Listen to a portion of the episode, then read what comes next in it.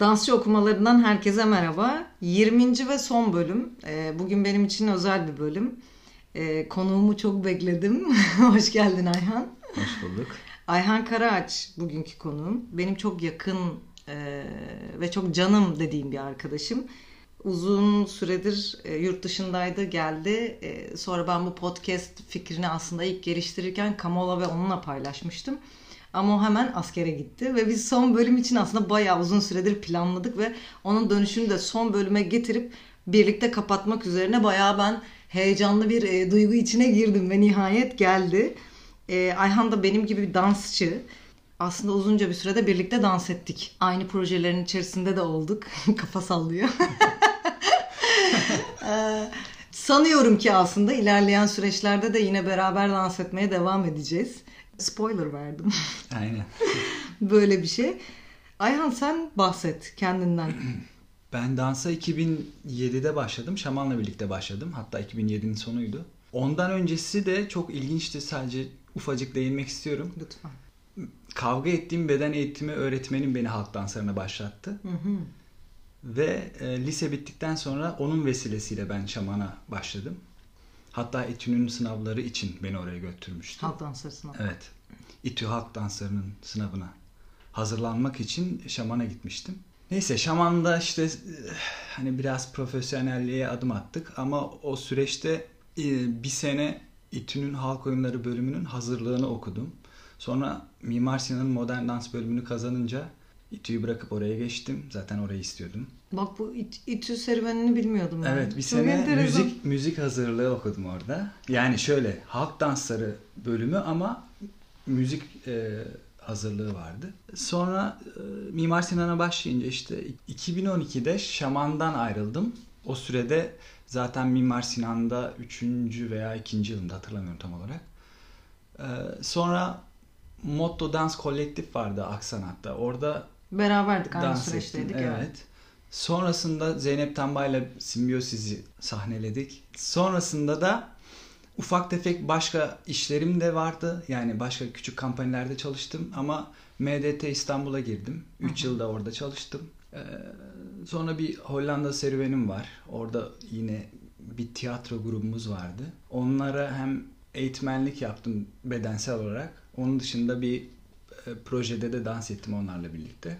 Döndün askerlik Evet. şimdi tekrar serüvene Evet. devam. Yani Hollanda'dan sonra gelip bir 6 ay askerde mahsur kaldım. sonra geldim buradayım işte. Zorunlu hale Evet. gelen görevler.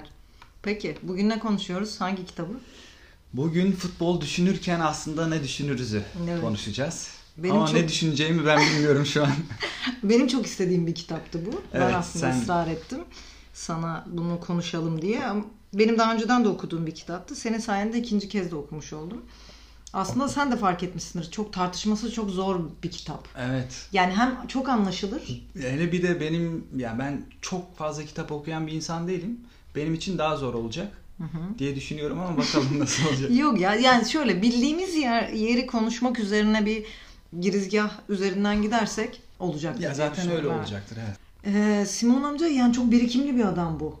Yani hem futbol konusunda birikimi çok geniş hem de değerlendirdiği yerden baktığımda hani tiyatroya aslında o çünkü antik Yunan'dan da örnek veriyor, dramadan örnek veriyor, sahnelerden örnek veriyor, hatta büyük felsefecilerden örnek veriyor. Ki İnanılmaz. kendisi de zaten felsefeci. Evet. Yanlış bilmiyorsam. Evet evet doğru. Ee, inanılmaz hakim. Yani Evet. genel e, sanat şeyini hatta okuduğum bazı kitaplardan ve bazı yazarlardan örnekler verdi ki ben e, bu kitapla ilgili yani ilk okuduğumda kendi e, yazı blogumda bu kitaba dair bir yazı yazmıştım ve orada Aa, daha önce okuduğum iki yazardan da böyle bir genel kuram ya da e, kültür e, okumayanların çok karşılaşacağı yazarlar değil. Merleau-Ponty ya da Evet. Annie Carson. O yüzden çok şaşırmıştım. Okuduğum kitaplardan da referans gösterince böyle bir mutlu oldum böyle hmm, çok iyi falan diye. Ama şey tabii genel olarak kitapta aslında hani ele aldığı yer benim gördüğüm en azından sen de görmüşsündür. Hem futboldan çok samimi bir şekilde bahsediyor. Hem de bunu çok kültürel bir yerden alırken öbür taraftan e, kendisini de içine alarak büyük bir aptallık olarak da değerlendiriyor ya bir Yani futbola bu kadar bağımlı olmanın ya da izleme halini. O tarafından böyle onu değerlendirme halini ben çok samimi buldum. Ya o aptallığı da tatlı olarak zaten Evet, evet. e, yazıyor. Hani e, kötü bir şey olarak değil. Aynen. Girişteki o şeyi yani aslında samimiyeti Gerekli benim. bir aptallık olarak Evet görüyor. evet evet. Ona gireceğim. Hatta bir, bir yeri de alıntılayacağım daha sonrasında. Ama şimdi girerken böyle bir sosyalizmle de girmiş ya o kısmı benim Evet. bilmiyorum bana çekici geldi en azından. Şöyle diyor. Pek çok şeye dairdir futbol. Karmaşık, çelişkili, çatışmalı pek çok şey. Hafıza, tarih, mekan, toplumsal sınıf, bütün belalı halleriyle toplumsal cinsiyet, özellikle erillik, aile kimliği, kabile kimliği, milli kimlik, grupların doğası hem oyuncu gruplarının hem de taraftar gruplarının ayrıca kendi grubunuz ile başka gruplar arasında çoğu zaman şiddet ama bazen de barışçıl ve hali selim hayranlık içeren bir ilişkidir. Bir futbol takımının sahayı kontrol etmeye çalışması gerek hücumla, gerek geri çekilmeyle, gerek işgalle, gerek kuşatmayla mekanın zapt durapt altına alınmasına veya askerileştirilmesine benzer. Futbol takımı küçük bir ordu gibi organize olmalıdır. Burada işte aslında biraz da sosyalizme vurgu yaparak ve o toplumsal sınıf dediği başta belirttiğimiz kısımdaki yerle, dişillikle aslında toplumun hafızası, toplumsal cinsiyet, o kadın rolleri bilmem ne erkek rolleri derken orada milli bir taraftar olma haline ya da erkeklik üzerinden, ego üzerinden buradan tanımlıyor. Oradan sonra zaten gireceği yer e, FIFA olacak. Direkt FIFA'ya Evet. göndermesini yapıyor ya. Evet evet. Futbol 11 kişide, kişiyle oynanıyor. Hatta karşı rakiple beraber 22 tane adam sahada oynuyor ve e, bir şekilde e, sosyalleşip de oynuyorlar. Kendi mesela e, bir takım e, saha içinde iyiyse saha dışında da iyidir diyor kendi içlerinde. Ha, Aslında böyle bir şeyden Evet bahsetmek evet hayır bir de şey demişti ya o arada. Gerçi tabii buna ters örnekler de var. İşte Evet, birkaç da- ama onlar çok nadir bir, evet, arada. bir Fransa grubundan bahsediyor. Grup içinde hiç kimsenin birbirinden Evet. bahsetmediği ama şampiyonluk kupasını aldıklarından falan bahsediyor. Evet, evet. Bunlar da tabii diyor küçük istisnalar. Bunlar birkaç kişi bu arada. Bütün takım olarak e, birbirleriyle konuşmamazlık etmiyorlar. Birkaç kişi takımdan kendini soyutlayıp e, ayrı tutabiliyor. Ama onlar da o verdiği örnekler de genelde çok büyük futbolcular. Zaten bireysel olanlar yani. FIFA'ya ilişkin bir şey söylüyor. FIFA'nın yarattığı bir düzlem var ve o düzlem genelde şöyle diyor. Oyuncuları böyle açgözlü temsilcileri var diyor. Yani paralı asker gibi davranmaya teşvik ediyorlar aslında. Bir bakımı aslında bu kulüplerin, federasyonların Yani FIFA aslında ajans gibi. Evet. FIFA'yı ajans gibi görüyor. Böyle oyuncu ajansı gibi görüyor ve onları bir pazarlamak para faktörü, için. Evet. pazarlama faktörü, bir pazarlama sınıfı olarak görüyor. Sen buna katılıyor musun? Yani ki sen benden daha iyi takip ediyorsun zaten futbolla ilgili. Daha farklı bir geçmişim var en azından bir izleyici takibasyon olarak. Yani ben de e, ya futbolu seviyorum ama böyle çok çok içinde değilim. Galatasaray taraftarıyım. Ben ama de. holigan değilim kesinlikle. E, Yani eğer Galatasaray kötü oynuyorsa kötüdür yani. O hani her zaman iyi demiyorum ben.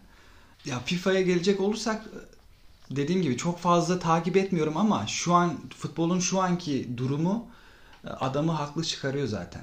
Çünkü her şey çok pahalı. Her bütün futbolcular çok Ha. pahalı. Parası olan kulüpler var ama olmayanlar bir okyanusta yüzmeye çalışıyorlar. Hah, çok güzel dedin. Yani şu an çok zor. Evet ve şey demiş zaten kendi tanımlamasıyla futbolun en temel ve derin çelişkisi belki de şu. Biçimi topluluk, sosyalizm, oyuncularla tarafların kolektif eylemi ve sosyalliği ama maddi temeli para. Ve genelde şaibeli ve denetlenmeyen kaynaklardan gelen kirli para. Evet yani bu şey şaibelerle ilgili de zaten FIFA'nın e, yaptığı Şike mi? şike. FIFA'nın da içinde olduğu şikeler var. Ya hep oluyor. Olacak da yani bu kontrol edilmesi çok zor. Bu paranın ortadan kaldırılması lazım onun için. İşte zaten şey diyor olması tuhaf ya yani bu gelen maddi gelirlerinin hepsi şaibeli ve hepsi kirli para diyor yani. Kaynakların tam olarak nereden geldiğini bilmiyoruz diyor yani. Ya da biliniyor ama aslında Ya bilinmiyormuş futbolun gibi. içinde o kadar ya mesela ben de yeni yeni duyuyorum bazı durumları. Mesela sen futbolcusun, senin bir tane menajerin var. Özellikle Türkiye'de yapıyorlar bunu. Seni ikna etmesi için menajerine deli gibi paralar veriyorlar. Sonra o futbolcu gelirken işte 2 milyon dolarsa değeri 4 milyon dolar gösteriyor. 2 milyon doları ekstradan şimdi adam 2 milyon dolara anlaşıyor aslında ama 4 milyon dolar gösteriyor. Onu bir şekilde kulüp kendi içine tekrar 4 milyon veriyor ya. 2 milyonu tekrar bir şekilde alıyor futbolcudan. Kara para aklama gibi bir şey. Aynen yani. öyle. Bunu kulüp başkanları yapıyor daha çok tabii. Yani bu paralar hep döndüğü sürece e, bu şikelerde olacak, şaibelerde olacak. Ki zaten şey diyor ya bunun önüne bunun önüne geçmek çok mümkün değil. Çünkü Değil. şey yüksek rakamlar döndüğü için bunları e, kontrol etmek de pek mümkün değil. O yüzden de futbol hem bir yandan spor hem de aslında tam bir ticaret alanı diyor. Yani spordan daha çok aslında böyle tam bir kirli bir ticaret alanı diyor yani. Yani şu an amatör futbolcuların kazandığı paralar bile çok ya bizim için çok fazla ki profesyonel olanlar yani milyon dolarlardan bahsediyorlar yıllık kazançları. Hani dünyanın %80'inin göremeyeceği paralar bunlar. Hayatları boyunca adamlar bir yılda alıyor onları. İşte öteki taraftan da baktığında şeye de geliyor ya son en azından 1-2 yıldır benim gözlemlediğim Twitter üzerinden görüyorum. Bazı kulüpler ağlıyor, para dileniyorlar. İşte e, hesap numaraları veriliyor. Yok yardım yapılsın bilmem ne. İşte zaten bu çok büyük paraların dönmesiyle alakalı. O da bu. yine FIFA'nın getirdiği bir e, kuraldan dolayı. Hı hı. Yani kazandığın kadar alabilirsin politikası var şu an.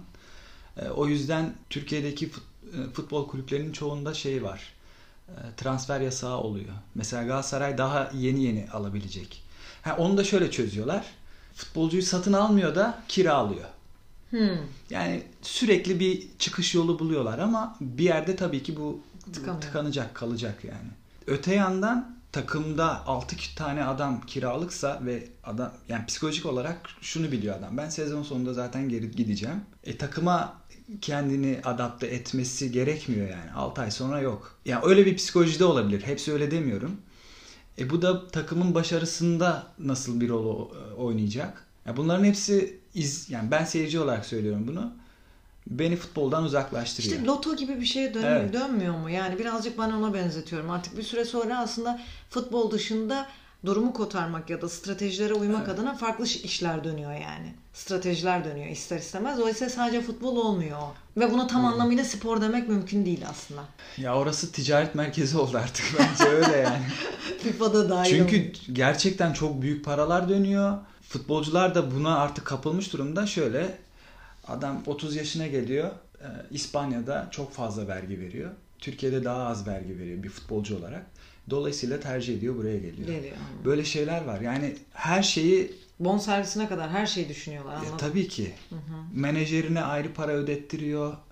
E, işte Bunlar ve Çok yuvarlak fazla, ve çok- küçük rakamlar çok fazla değiller. paralar, Evet, çok. evet. Şu- Ya bir de sponsorlar var mesela işte şeyden bahsediyor. Şöyle bir yeri ben not almışım. Futbol tamamen metalaşmış sponsorluklarla en bayağı ve en aptal markalaşmalarla dolup taşmış durumda. Ya bunu da işte Şampiyonlar Ligi'nden Şampiyonlar Ligi'nin aldığı sponsorlardan falan bahsediyor. Doğru. Çok fazla para var. Futbol e, İngiltere'de doğdu ama ne zaman doğdu, nasıl doğdu bilinmiyor tam olarak. Ama şunu biliyorlar. işte ya bir pub'dan çık, çıktı. Hı hı. Yani yani Tam olarak. kimi e, takımlar pub pub'ın kuruluş ya, pub'ın adı altında çıktı ya da Hı hı. bir kiliseye bağlı olarak çıktı. E şimdi çıkış e, şeyinden sapmış durumda amacından ya da Hı hı. insanların o zamanki ihtiyacından şu an tamamen farklı bir durumda futbol yani. Tabii başka bir dünya sermayesi haline geldi Evet. yani. Bir birilerinin çok iyi beslendiği bir sermayeye geldi. Fauller var. Şey diyor mesela orada. Pek çoğumuzun faulleri ağır çekimde izlemeyi sevmesinin nedeni şöyle bir şey olabilir diyor. Kontrollü bir şiddette bir güzellik vardır. Yani böyle faullerle ilgili şey örnekleri veriyordu. Hatırlıyor musun? Ee, oyuncularla ilgili işte kendini böyle durup dururken yere atanlar futbolun o Yani tiyatral Evet, kısmı evet, işte. tiyatral kısmı ve yalandan hani atanlar ya da e, ağır çekimde aslında seyirci olarak bizim izlediğimiz noktadan e, ağır çekimde izlediğimiz şiddetin bir güzelliği var diyor. Hani Özellikle faallere ağır çekimde. Estetik evet, evet. bir duruş şeyi Evet, var evet. yani durumu var orada. Orada aslında seyirciye yüklediği mazoşist bir şey var. Yani bizim ondan keyif aldığımıza dair ve kendisi de söylüyor. E, ama bunu TV karşısında tabii ki. Çünkü canlı olarak görmesi mümkün olmuyor. Tabii O- ki tabii ki. Ondan bahsediyor. O yüzden diyor biz diye. o ağırlaştırılmış görüntüleri iki kez falan izlediğimizde de bak gördün mü orada bilmem ne yaptı falan diye böyle bir şey de yapıyoruz diyor. Ya da atıyorum hoşumuza gitmişse e, kendi takımımızdan biri yapsa oh iyi oldu gibi bir Evet. yerden de o keyfi aldığımıza dair de bir göndermesi yapıyor. O hoşuma gitmişti. Şey diyordu Ayhan. Ona katılıyor muyuz acaba? Çünkü tiyatroyla destekleyerek de aslında sahne sanatlarına ve aslında antik Yunan'daki o e, tiyatro izleme zeminini de benzetiyor biraz stadyum görseline falan filan. Oradaki şeyle de aynı diyor ama e, futbol aslında tiyatrodan daha büyük bir dramadır diye bir cümle de kuruyor arada. Yani dramasını kısmen e, benzetiyor. Futbol bir dramadır diyor.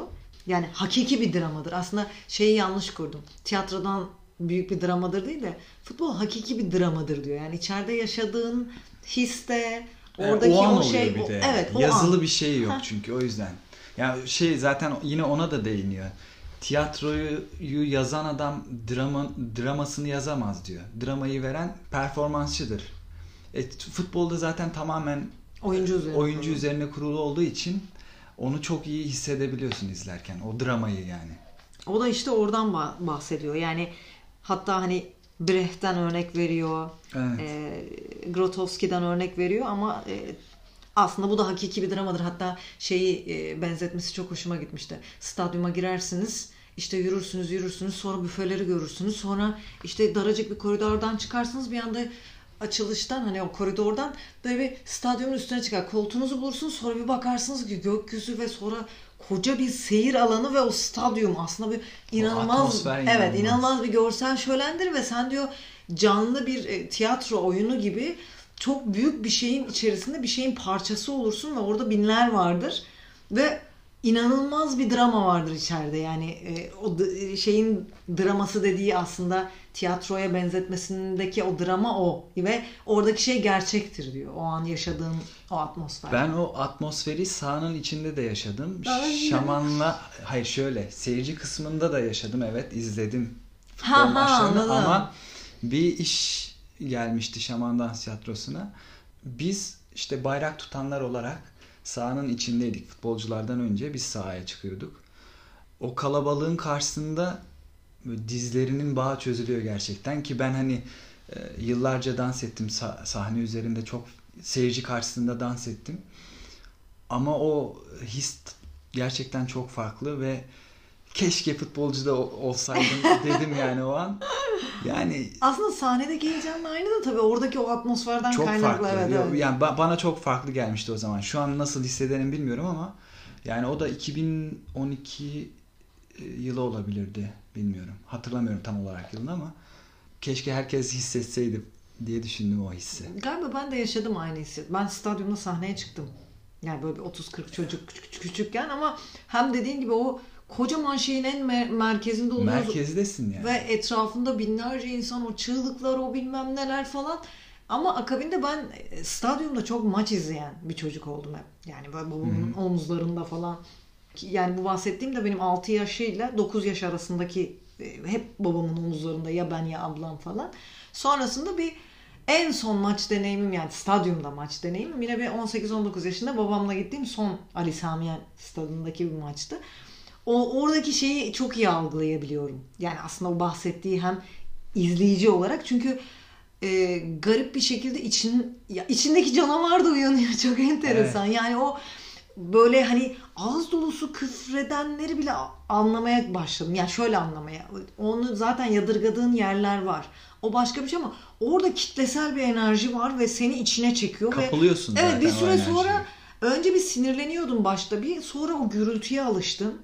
O gürültüyle birlikte çünkü seneler sonra tekrar yine gürültüyle birlikte küfür aslında senin bir noktadan sonra kulağına böyle daha şey normal bir şeymiş gibi geliyor süreklileştiği için. Ama bir süre sonra onlarla birlikte ayağa kalkıp onlarla birlikte oturmaya başladığında aa bu enerji başka bir şey falan oluyorsun. Bir de taraftarlar kendi Evet, içlerinde evet. organize olup işte Meksika dalgası evet veya evet evet. e, karşılıklı tezahüratlar yani bunların hepsini böyle canlı olarak hisset ya adamın yazdıklarını hissettim ben. Evet, yani evet. çok güzeldi gerçekten. İşte o şey hissededim ya ben hiçbirini ya ben izliyordum aslında o kitlesel olarak izleme enerjisini ben orada sevdim. Ee, ki hani stadyuma daha girer bizim gittiğimiz maç çok komik bir maçtı hani e, Erzurum e, Galatasaray maçıydı.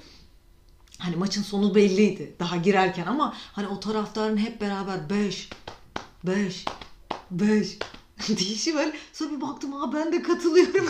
Kitlelerle birlikte hep beraber bağırıyoruz ama şöyle bir bağırma hani yeşim değil beş beş dedim ne oluyor ya? Bu nasıl bir enerji? O güzel gelmişti bana bilmiyorum yani. Hani içindeki o şeyi de aslında bence e, holigan demek istemiyorum. Mutlaka içimizde bir şey ama kitlesel enerjiyi harekete geçiriyor. O bence güzeldi yani. İşte zaten bu en başındaki sosyalizmi de bence e, o başlık aynen. bu buradan çıktı. toplumsal o yere değindiği yer aynen öyle. adamın. Çünkü hem kitlesel bir eylem aslında hem de çok çünkü 11 kişinin bir Beraber araya misin gelip evet o? beraber hareket ettiği bir şey 50 bin kişiyle berabersin aynen. sen orada. Böyle bir şey olabilir. Ancak kolektif bir şey bunu yapabilir dediği yer orası aslında. Kesinlikle katılıyorum sana. Bir de e, şeyden bahsetmiş de şimdi şeyler de var şu an işte oyun konsolları var. Ha, özür dilerim sözünü kestim ama sen kaldığın yerden sonra devam et. Şey diyor ya ya futbolu oynamakla o oyun konsolu içinde oynamak arasında bir fark var gibi bir yerden de giriyor. Sen şimdi daha iyi açarsın ama sen ne hissediyorsun? Sen çünkü oynuyorsun. Zaten bahsedeceğim şey oydu. Ben lise yıllarında neredeyse her gün futbol oynadım ve kötü de oynamıyordum. Ee, Hatta oynadığım arkadaşlar, beni tanımayanlar e, hangi kulüpte oynadığımı sorarlardı bana ama ben bir kulübe falan gitmiyordum. Neyse o dönem bende şöyle bir fark vardı. Oyun konsolunda ya işte o zaman PES ya da FIFA oyun ya iki tane oyun var futbolla alakalı. İkisinden birini oynuyordum. Yani ikisini de oynadım ama hangisini oynadığını hatırlamıyorum. O onu, oyunu oynarken e, sanki e, maçı canlı izliyormuşsun gibi herkesi görüyorsun ve top mesela se- senin takımında sende top ve sen kontrol et- edebildiğin için topu nereye atabileceğini yukarıdan seyirci kısmından görüyorsun. Şimdi saha içinde oyuncu olarak görüş açın daha farklı. Tabii ki. Dışarıdan yani dış göz olarak e, kontrol ediyorsun yani oyunu. Bu futbolcuyu inanılmaz besliyor mesela. Şu Hmm. anki futbolcuların bu Anladım. kadar iyi olmasının nedenlerinden birisi de bence bu oyun kons- konsolu. O zaman konsolları perspektif o bakış açısı yardım ediyor diyorsun. Tabii ki. Çünkü bir teknik direktörün de oynadığını ve o oyununu hatta seçerken kendi takımını seçtiğinden bahsediyor. Yok o şey örnekte. Paul Pogba'dan bahsediyor. Hı. O futbolcu. Hı. Hala oynuyor şu an herhalde Manchester United'da diye biliyorum. Onun gibi birçok futbolcu. Sadece mesela oynamayan bir tane futbolcu biliyorum. Liverpool'da şu an. Mane diye bir futbolcu oynamıyor. Ama diğer hepsi oynuyor. Yani Hmm. Oynuyorlardır diye Bu düşünüyorum. da çok ilginç geliyor bana ya. Düşünsene biz dansçıyız. Böyle bir dans oyunu var.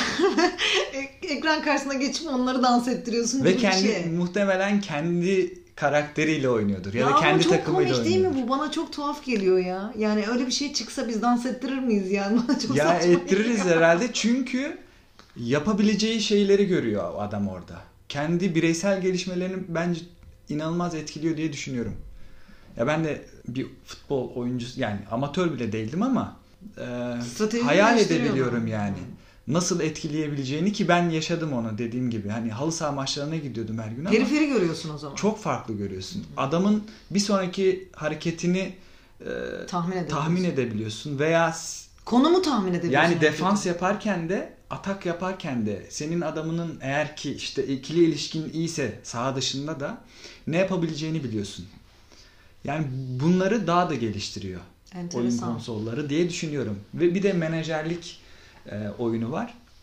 O biraz daha işte FIFA'nın yaptığı o para meseleleri Hmm. ama işte transfer mevzularını O zaman. Dansınkini de yapsınlar abi. Keşke, keşke yapsam. Belki başka şeyler öğreniriz. Eminim gelişir yani. Kompozisyon bilmem ne bu sefer şeylere kadar gider bizim o. E, Cunningham'ın zar metoduna kadar gidiyormuş. Evet. değil mi? Onları deniyormuşuz orada. Şimdi 2022 FIFA Dünya Kupası Katar'da olacak ya. Evet. Ya orada ya bir olacak mı falan. Orada bir ırkçı bir Evet, söylem ırkçı var. bir Yani söylem var. tam aslında okumak istiyorum çünkü şey onu da İngiliz, yakıştıramadım. onu da İngilizliğine veriyorum. Evet ama şey dedim yani ha, işte şey demiş e, 2022'de gerçekleşecek Dünya Kupası'nın Katar'da düzenlenecek olması saçmalığıyla beraber böyle bir şey söz konusu. Şahsen Katar'ın haydut devlet ilan edilip Dünya Kupası organizasyonunun elinden alındığını görmek isterim. Burada dedim ki bu kadar çok sosyalizmle ilgili ders verdi. Ve altına şey not olarak düşünün. Futbol aynı zamanda ırkçılıktır o zaman. Hani ben kendi notum üzerinden hı hı. söylüyorum. Yani hoşuma gitmedi yazarın bu ırkçı tavrını görüyor olmak. Yani neyi görüyor olursak olalım ki hani tüm dünya ülkeleri içerisinde kapitalizmi, faşizmi örneklendirebileceğimiz bir sürü şey var. Hemen hemen her ülkenin içerisinde bu ırkçılıklara dair ama Katar'da ne oluyor olursa olsun bir yazarın en azından bu kadar hani ırkçı bir söylem içerisinde sadece 2022'de Katar'a bu şekilde söylüyor olması bilmiyorum. Benim çok tuhafıma gitti ya, yani. Yadırgadım. Kere, ilk başta az önce ben de aslında ırkçılık yapmış gibi oldum. Onu da İngilizliğine verelim diye. Duymadım onu bak. Evet. Ya onu geri alıyorum. Hı hı. Ee, şunu şunu düşünebilir adam kendisi yani Katar'ı şu güne getirenler kimler mesela? Hı. Yani hani Tabii ki. E, sen kocaman felsefecisin. Bunu düşün. Boş ver Katar'ın işte Kaldı ki ABD'nin yani, gücü var orada yani. İşte ya Batı dünyası bu, o adamları bu duruma getirdi. Şu an bu, böyle bir e, güçteler. Böyle bir paraları var. Kantarın ucunu kaçırınca evet. aslında bu eleştiri değil de böyle niyete giriyor biraz. O sözü güzel değil. Evet gerçekten. değil mi? Bak senin de dikkatini çekmiş. Çünkü böyle şey evet, oldu. Evet. Bu kadar güzel açıyorsun açıyorsun. Abi burada bu ırkçılığa ne gerek var diyorsun yani. Ya böyle bir adamın onu söylüyor olması evet. sadece rahatsız ediyor. Evet, evet. Şu kitabı yazan adamın. Aynen. Ben bir de şöyle bir not almışım. Şimdi coğrafya kaderdir diye bir laf var ya. ben şöyle bir cümle yazmışım. Futbolda kader coğrafyadır diye. Yani şöyle bir şey var mesela futbolda şöyle bir ayrım var. En iyi ligler işte batıdaki işte İngiltere'dir, İspanya'dır. Ee, Almanya ligi şu an iyi. Ee, İtalya'dır, Fransa'dır. Bu, bu ligler çok iyi. E, bunun nedeni de yine yaşam şartları, işte eğitim durumları. E şimdi Türkiye bir ara böyle 2000'lerin başında iyi gibi oldu ama şu anki durumu çok kötü. Yani Türk takımlarının durumu çok kötü. Ya da e, Avrupa'daki oynayan e, Afrika kökenli birçok futbolcu e, çok iyiler bu arada bireysel olarak. Milli maçlarda kendi ülkelerindeki ya daha yani adam bireysel olarak başarısız değil yine milli maçta ama bir takım olarak Dünya Kupası kazanan bir Afrika e, ülkesi yok mesela. Hı hı. Ki bireysel olarak en iyi futbolcular genelde Afrika'dan çıkıyor. Yeterince güçlü olmadığı için evet. ülke O yüzden futbolda olarak... kader coğrafyadır diye. Doğru, mantıklı. E, aptallık kısmıyla bir örnek vereceğim. Şey diyor, futbolun kutsal bir boyutu varsa ben bunu oyunun tam da sıradanlığında ve su götürmez aptallığında görmeyi tercih ederim. Futbolu benim kadar çok sevmek ki pek çoğumuz çok sever cidden salaklıktır. Oyunun muazzam cazibesinin bir kısmı da gönüllü olarak aptalca bir şeylere teslim olma isteğimizden gelir. Çok vakit almasını da bir yana bırakıyorum. Fakat aptal olmakta bir sorun görmüyorum. Katılıyor musun buna? Ya bunu da şununla bağdaştırıyorum. Şu inançlarla alakalı aslında. Şu an birçok insan eleştirmeden, sorgulamadan e, bir şeylere inanıyor. Yani bu din de olabilir, başka bir şey de olabilir. E futbolda onla onlardan birisi diye düşünüyorum. Bu bakış açısıyla bunu yazmış. Ek olarak da ben eğitim seviyesini de yanına koymak istiyorum. Şey gibi çünkü birazcık yani en azından ben öyle görüyorum. Şey diye bir cümle kuruyor. Futbol işçi sınıfının balesidir. Diye. Evet evet. Ha, evet. Buydu yani. Bence bununla ilgili bir şey. Yani eğitim seviyesi dediğim nokta aşağıladığım bir yer değildi. Tam tersi sosyalleşebildiği tek alan burası. Bu yüzden de aslında birazcık hani o futbolu çok sevmek aptallık kısmını hani oraya dayandırıyorum ben. Çünkü bugünün koşullarında ortalama bir asgari ücretle geçinen birinin en lüks e, şeyi atıyorum bir Çanak Antalya'da FIFA Dünya Kupası'nı rahatça izleyebilmek oluyor. Hem eğitim hem maddi anlamdaki o statüyle alakalı. O yüzden öyle bir yere bağlamak istedim. Ee, Bu arada çok güzel bir cümle futbol işçi sınıfının balesidir. Aynen. Eğitimi ya başka şekilde açıklay açıklasaydın kendini e, ona şöyle bir e, hayır diyebilirdim. E, aslında bu biraz içgüdüsel bir bir şey yani hani bu e, aptallık mevzusu var ya hani hı hı. işte futbolu sevmek. insanların sos, sosyalleşmeye ihtiyacı olduğu için Hı hı hı. bunu hani bir eğit- eğitim seviyesine göre e, sınıflandıramayız. Yani hani e, futbolu seven insan aptaldır diyemeyiz. Ha, öyle bakarak söylemedim Evet, de. evet. Ben bir an korktum öyle Yo yo ko- orada değilim ama diye. şöyle bir şey. Yani şimdi senin ve benim başka alternatiflerimiz de var. Yani ben ve sen e, tiyatroda izliyoruz ya da Evet. operaya da gidebiliyoruz. Yani bi- bu bizim eğitim seviyemizle alakalı da bir şey. Yani bizim geldiğimiz ve en azından okuduğumuz seviyeden kaynaklı başka alanlara ya da bizi geliştirecek başka şeylere merakımızın da oluyor olmasıyla ilgili bir şey. Eğitim dediğimden kasıt bu. Aslında iyi, iyi ki söyledin. Çünkü e, ilkokul düzeyi ya da ortaokul ya da en fazla liseyi bitirmiş kişilerin e, çok da bilinç düzeyi, kültür düzeyi çok gelişmediği ve aslında gelişmeden kasıt da şu yani önüne fazla alternatif koyulmadığı ve maddi kaynakları için. da olmadığı için ve izleyip göremediği için bu onun en e, yüksek derecede yaşayabileceği bir e, şey e, oluyor, lüks oluyor futbol ya da onun sosyalleşebildiği tek alan oluyor ya da e, en azından kendi çevremde gördüğüm bazı insanların sırf kurslara sosyalleşmek için gittiğini biliyorum yani dans kurslarına ya da eşli danslara anladın mı? Birçok insan Tabii aslında. bu, bu arada çok büyük şehirlerde de bu böyle yani hangi şehirde olup olmaman bir şey değiştirmiyor. İşte bu yüzden dedim bu aslında eğitim şeyiyle de alakalı derken aslında onu kastetmeye Evet, evet. çalıştım. Yoksa birebir o cümleye has bir şey söylersem çok da uyuşacak bir yerde durmuyor ama iyi ki söyledin. Buyurun. Konu hala aptallıktaysa şöyle bir e, düşüncem var. Aptal insan zaten futbol oynayamaz. Yani hani böyle e, birçok e, futbolla ilgisi olmayan insan şunu söylüyor. Ya futbolla ilgilenen aptaldır falan diye ama öyle değil. Yani çünkü senin bir yetinin olması lazım. Hatta birkaç yetinin olması lazım. E, hiçbir şey bilmiyorsan sahayı yani dünyanı periferi görmen lazım. Ee, ya da takım arkadaşını çok iyi tanıyabiliyor olman lazım ki onun nereye koşacağını ve sen topu ona atarken ayağını yani bacağın bacak kaslarını kontrol edebiliyor olman lazım. Çünkü topa o falsoyu vermek için. Aslında Yani- stratejiyle de ilgili bir şey söylediğin şey. Hatta biz öncesinde Evet, de strateji ve bazı pozisyonlarda gerçekten ze- zeka gerekiyor. Evet işte şeyi söylemişti ya yani Simon şey diyor bir gerçekten e, futbol oynamak için gerçekten hani orada olmak yani Anda olmak anda lazım. olmak gerekiyor ama öbür taraftan da çok rahat olmak gerekiyor dedi. Senin söylediğin yerden de aslında biz hani arada sohbet ederken öncesinde sohbet ederken şeyi konuşmuştuk ya hani neden aptal olmamak gerekiyor kısmı üzerinden sen dedin ya şimdi. E, hatta offside ile ilgili bir örnek verdin.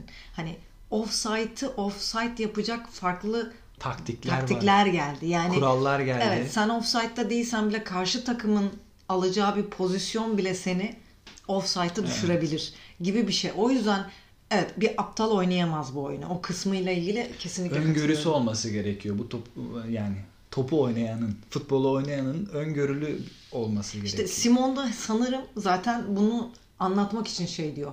Futbol basit bir oyun değil. Satranç gibi binlerce taktik var. Yani Evet. oraya çıktığın anda hatta şeyi söylüyor ya o çok hoşuma gitmişti. Teknik direktörler ya da işte bu işin planlarını kalem kalem ya da bazen hani kağıt üzerinde binlerce şey yapsalar da o sahaya çıkıldığı andan itibaren bazen her şey kağıt üzerinde kalabiliyor.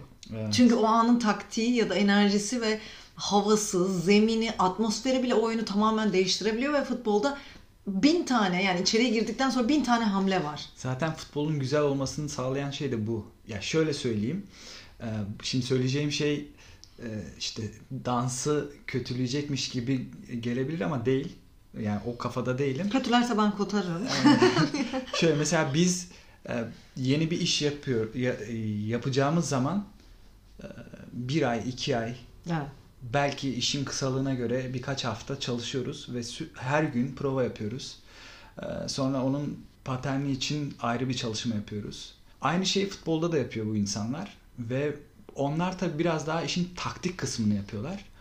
Her maç farklı rakiple olduğu için rakibe göre futbol düzenini kuruyor teknik adamlar. Ee, Dolayısıyla yani taktiğini rakibe göre ayarlıyor. E, Futbolcusunu da yani kadrosunda olan 25-26 futbolcusunu da ona göre e, seçip dahil edip veya çıkartabiliyor kadrodan.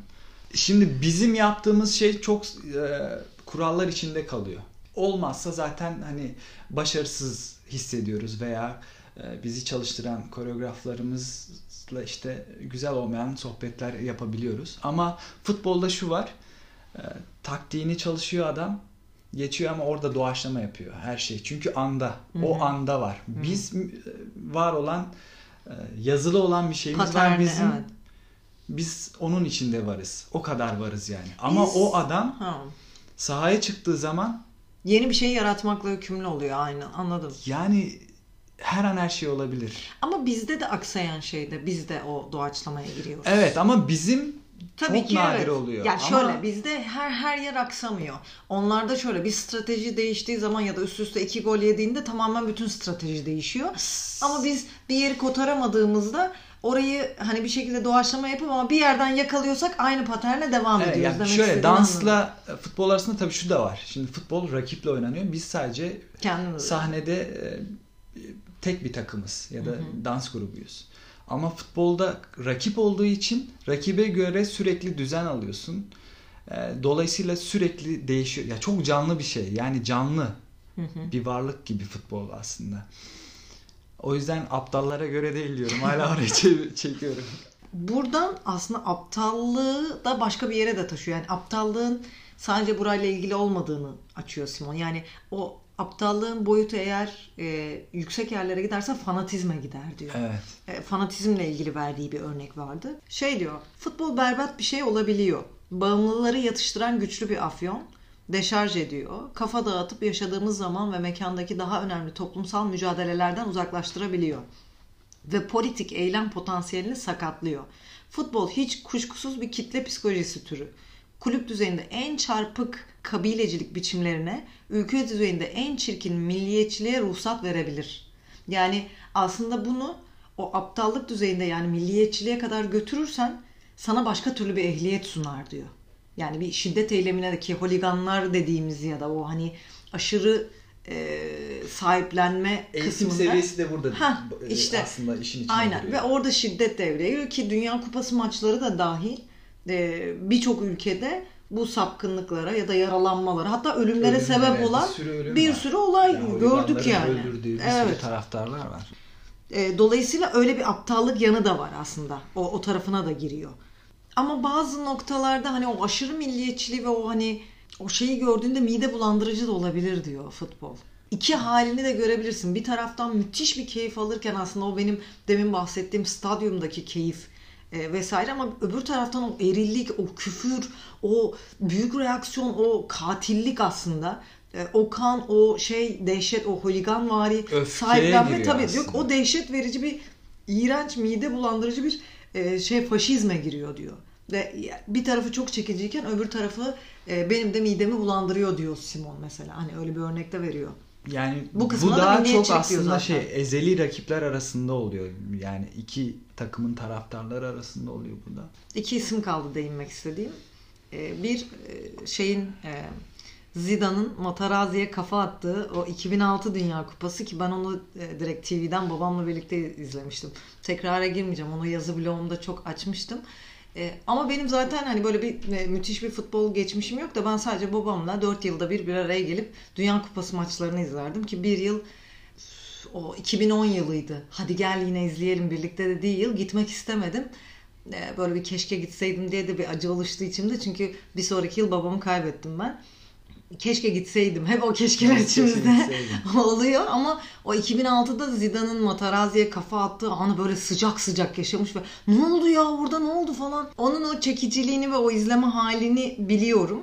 Aslında hani e, biliyorsun bu bölümü yaparken de hep şey dedim bu son bölümü babama atfen yapıyorum. Belki e, futbolla ve konuyla çok ilgisi yok ama böyle onun e, arşivden artık düzenleyebilirsem onun sesiyle de kapatmak istiyorum ama o bir MotoGP hikayesiydi. Onu da böyle bir kısaca araya sıkıştırmak isterim.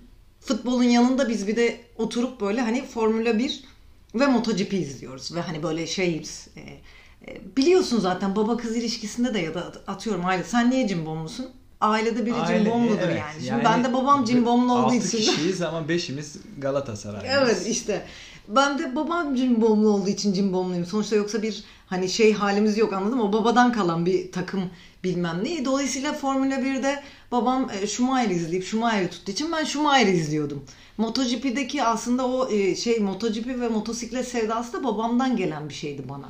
Ve sıkı bir e, Valentina Rossi hayranıydı babam ve hikaye aslında o yani hani burada en azından burada örnekleyeceğim hikaye hikaye şu ya bizim için çok basit ama böyle ağız dolusu güldüğümüz bir hikaye çünkü e, St. Petersburg'dan dönüyoruz gezmeye gitmişiz e, MotoGP şeyini izleyeceğiz yarım saat var dehşet bir trafik var e, ama babam böyle kural ihlali yapıp böyle hani e, bu taraftan gelen taraftaki şerit açık olduğu için oraya dalıp bayağı böyle bir iki kilometre hiç durmadan bastı. Ama yani bir polise yakalansak sıçtığımızın resmi yani. O büyük bir ceza yiyeceğiz. Rast gelmedi ve bayağı hızlı gidiyor yani. Ve sonra bir yerden kendi şeridimize kaydık ve biz MotoGP'yi yakaladık. Ama müthiş bir trafikten kaçtık. Belki 3 saat falan kalacağız orada öyle düşün. Ve sonra eve geldik. Açtık Rossi başladı falan filan. Spiker çok tatlı sunuyor. Ve e, Rossi arkalardan geldi. Belli ki bir önceki yarışta hatalı bir çıkış yapmış ya da işte gerilerden olmuş. Neyse bir şekilde geldi üçüncü sırada ve zorluyor ikinciyi falan. İkinci kimdi hatırlamıyorum. Bir an böyle bir tereddüt etti lan arkamdaki kim acaba diye böyle ve arkada Rossi'yi görünce böyle bir sonraki şeyde böyle bir heyecan yapıp tökezledi ve Rossi önüne geçti. Adamın söylediği çok klas bir cümle vardı. Böyle o sırada böyle kahkahalarla falan güldük çünkü. Şey dedi bir yarışta başınıza gelebilecek en kötü şey Valentina Rossi'nin arkanızda olmasıdır.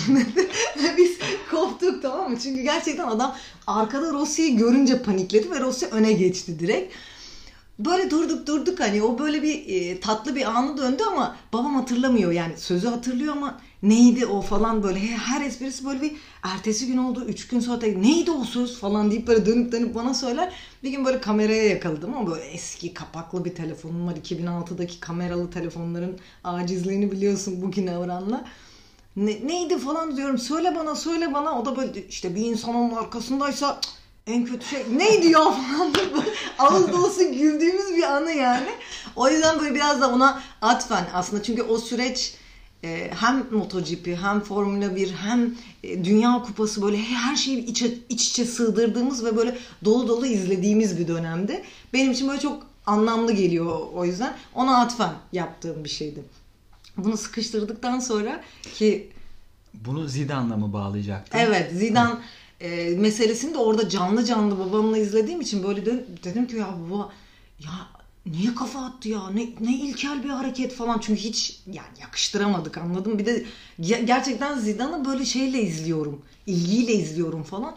Nasıl geldi o hırsla koştu ve güm diye böyle kafasıyla adamın göğsünün diyor ki babam böyle çok sessiz yani tepki falan da yok diyor bir ibnelik var diyor yani o böyle durup dururken atmaz falan daha sonra öğreniyoruz ki gerçekten manipülatif bir şey var arada falan filan ama tabii onu aylar sonra öğrenebiliyoruz. Yani işte orada Materazzi tamamen profesyonel davranıp hı hı. adamın sinirleriyle oynayıp evet, evet. yani. Ama işte tam buradan aslında oraya bağlıyorum.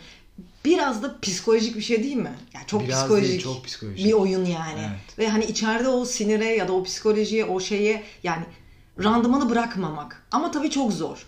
Yani şu durumda seni çok etkileyebilir psikoloji seni e, o sinire sokabiliyor. Eğer takım olarak gerideysen ve kötü oynuyorsan en iyi futbolcusu bile olsan dünyanın yani kafayı da atarsın.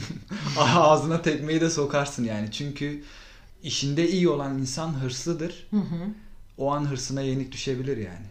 Ki öyle aslında. Yani evet. bu arada Zidane'ı kötülemek için söylemiyorum. Değil değil evet ama zaten ya, yine de hani oradaki duruşuyla ilgili birçok kişi hayal kırıklığına uğramıştı yani. Ama birçok kişi de tabii savunucusundan az bile yaptığını evet. söylüyor. Ama şey olarak hani yine de ne olursa olsun o profesyonel duruştan taviz verilmemesi gerektiğine de ben evet. inanıyorum ya. Yani bunu da, tabii Zidane'ı öteleyerek ya da kınayarak bir yerden söylemiyorum. Sonuçta herkesin belli başlı kendimi de düşündüğümde ben de bazı projelerde dayanamadığım yerde kapıyı vurup çıkıyorum. Ya ben yani. E, şöyle mesela Zidane'a hiç bir şey söyleyemem.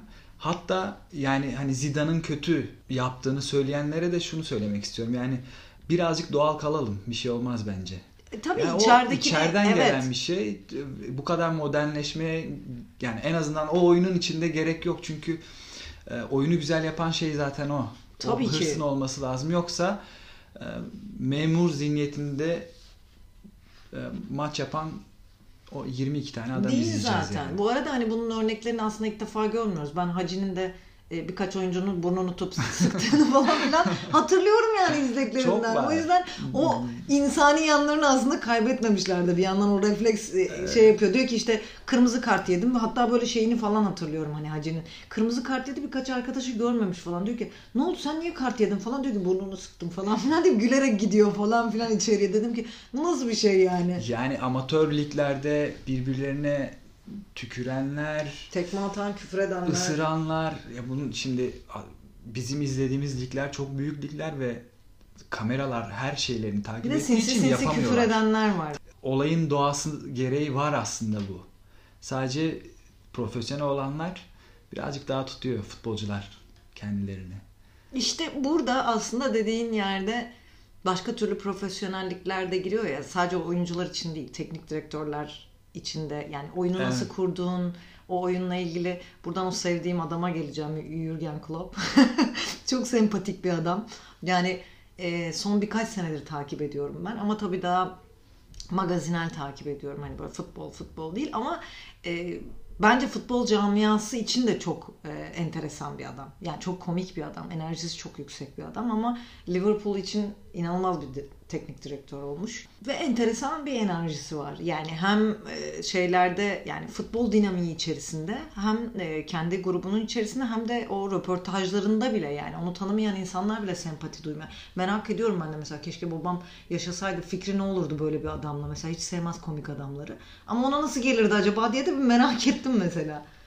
Yani zeki adam. Evet. Hani ha, diyoruz mesela ya. o kısmını akta aslında şey atlamak istemiyordum. Şöyle bir şey söylüyor çünkü Simon'da. Ee, bir maçtan bahsediyor. Kiminle karşı karşıya geldiğini unuttum. Ee, diyor ki hani e, 2-1 geriye düştü hani grubu. Belçika'da Galiba maç? ama şey diyor yani Klopp için o kadar iyi bir maçtı ki diyor. Grubun enerjisi bilmem ne ve heyecanla gitti diyor şeye soyunma odasına. Ve hani orada inanılmaz bir motivasyon e, sağlamış gruba. Diyor ki şu an tam benim istediğim stratejide oynuyorsunuz. Hani geride olup olmamanız önemli değil. Şu anki gidişat iyi. Aslında hani deminki bahsettiğimiz profesyonelliği orada tuta, tutabilen bir teknik direktör. Belki de e, o grubun o hani o liglerde başarılı olmasını, o takımı daha üst seviyelere çıkarabilmesindeki bence o enerjiyle ilgili bir şey. Çünkü biliyorsun aslında futbol en azından benim gözlemlediğim tek bir golle bile bütün motivasyonun aşağı ve grubu en dibe çektiği bir şey de var orada. Çünkü böyle bir o kitle enerjisi dediğimiz şey orada devreye girdiği için bir anda o bütün kitlenin aa diye bırakması ya da öbür tarafın çok yüksek oranda seviniyor olması ve grubun e, şeye takılıyor olması bile 15 dakika kaldı ve biz işte 3-2 gerideyiz. Yani orada bir ters psikoloji ve o stres anı da olduğu için Klopp'u en azından gördüğüm ya da gözlemlediğim veya bu son dönemlerde aslında son 8 aydır biraz fazlaca e, yönettiğim maçlara geri dönüp birazcık baktım. Farklı bilgi alanıma girdi. Onun şeyini vermeyeceğim, bilgisini. E, işime de geldiği için izliyorum ama enteresan bir şey var. Yani böyle belki iç- içeride bir stres yaşıyor ama dışarı bir şey yansımıyor. Böyle enerjetik bir şey alanı Bence var. stres yaşamıyor. Yani bu kadar ciddi düşünmüyor. Ee, Evet. Diğer futbol menajerleri kadar, teknik direktörleri kadar ciddi düşündüğünü yani tabii ki hep kazanmak ister ama sonuçta bir oyun. Onun farkında bence bu adam. O Eğleniyor yüzden sanki rahat. ya Ayhan. O yüzden o kadar rahat bir Eğleniyor adam. yani. E bir de dolu bir adam zaten onun bilincinde yani.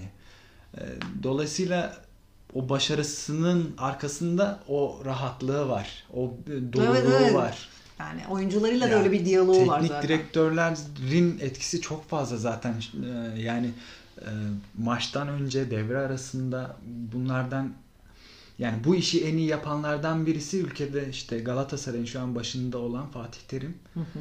Bu arada teknik direktör olarak hiç beğenmiyorum. Hı hı. Yani taktiksel olarak Hı hı. beğenmiyorum ama e, motivasyon anlamında futbolcuları gerçekten motive edebiliyorlar. Konuş konuşarak sadece.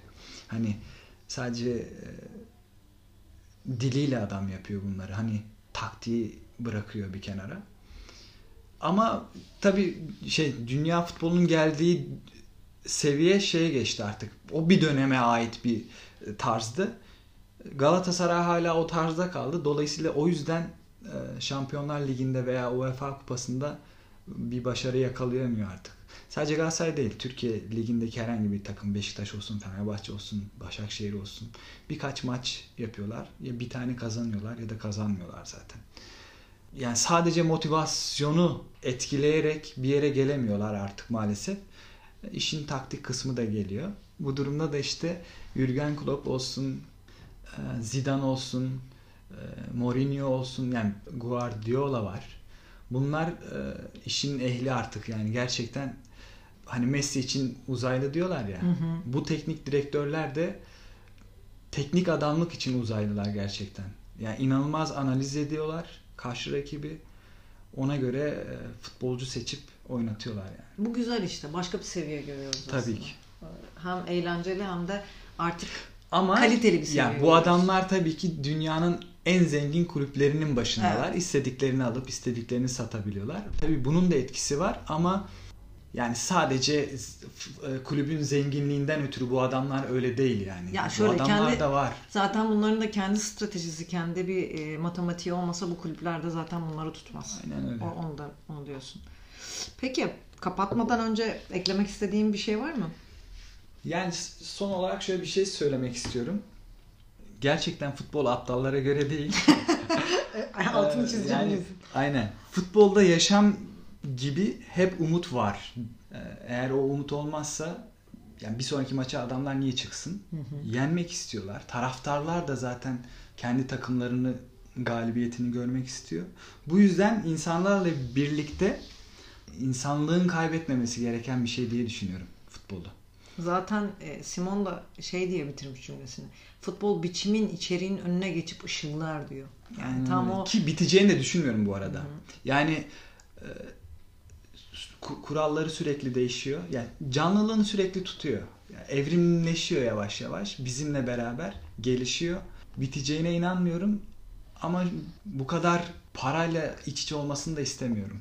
Evet ama o kapital sermayeden evet. bence çok da ayrışamayacak artık. Çünkü öyle bir yerde değil. Yo ayrışacağına inanıyorum. Çünkü belli bir seviyeden sonra yani bu sadece büyük yani... paraların dönmediği bir yeni bir düzene inanıyor musun gerçekten futbolda? Yani belki biz görmeyiz ama. biz göremeyeceğiz kesin.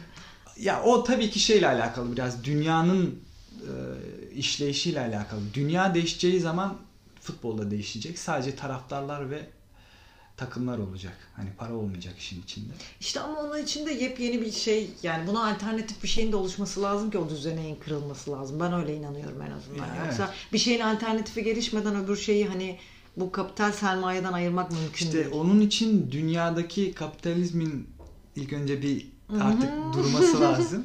Ondan sonra futbolda eminim ki değişecektir yani. Buna galiba doğa karar verecek. Çünkü biz sonlandıramıyoruz. O şey e, kapitale açlık ve ya doyamamazlık bizdeki o doyamamazlık evet. bitmedikçe biz onu bitiremeyeceğiz gibi geliyor bana. Ayhancığım e, diline fikrine sağlık. Yani benim için biliyorsun çok özel bir bölümdü. Müteşekkirim. Yani ben teşekkür ederim benimle böyle bir konuşma yaptığın için, bu kitabı seçtiğin için. Benim için de iyi oldu. Askerdeyken Orada okudum. Evet evet. İyi oldu yani. Ee, dilimin döndüğünce ben de konuşmaya çalıştım yani. Her ne kadar beceremesem de. Ay, estağfurullah. Çok güzel oldu.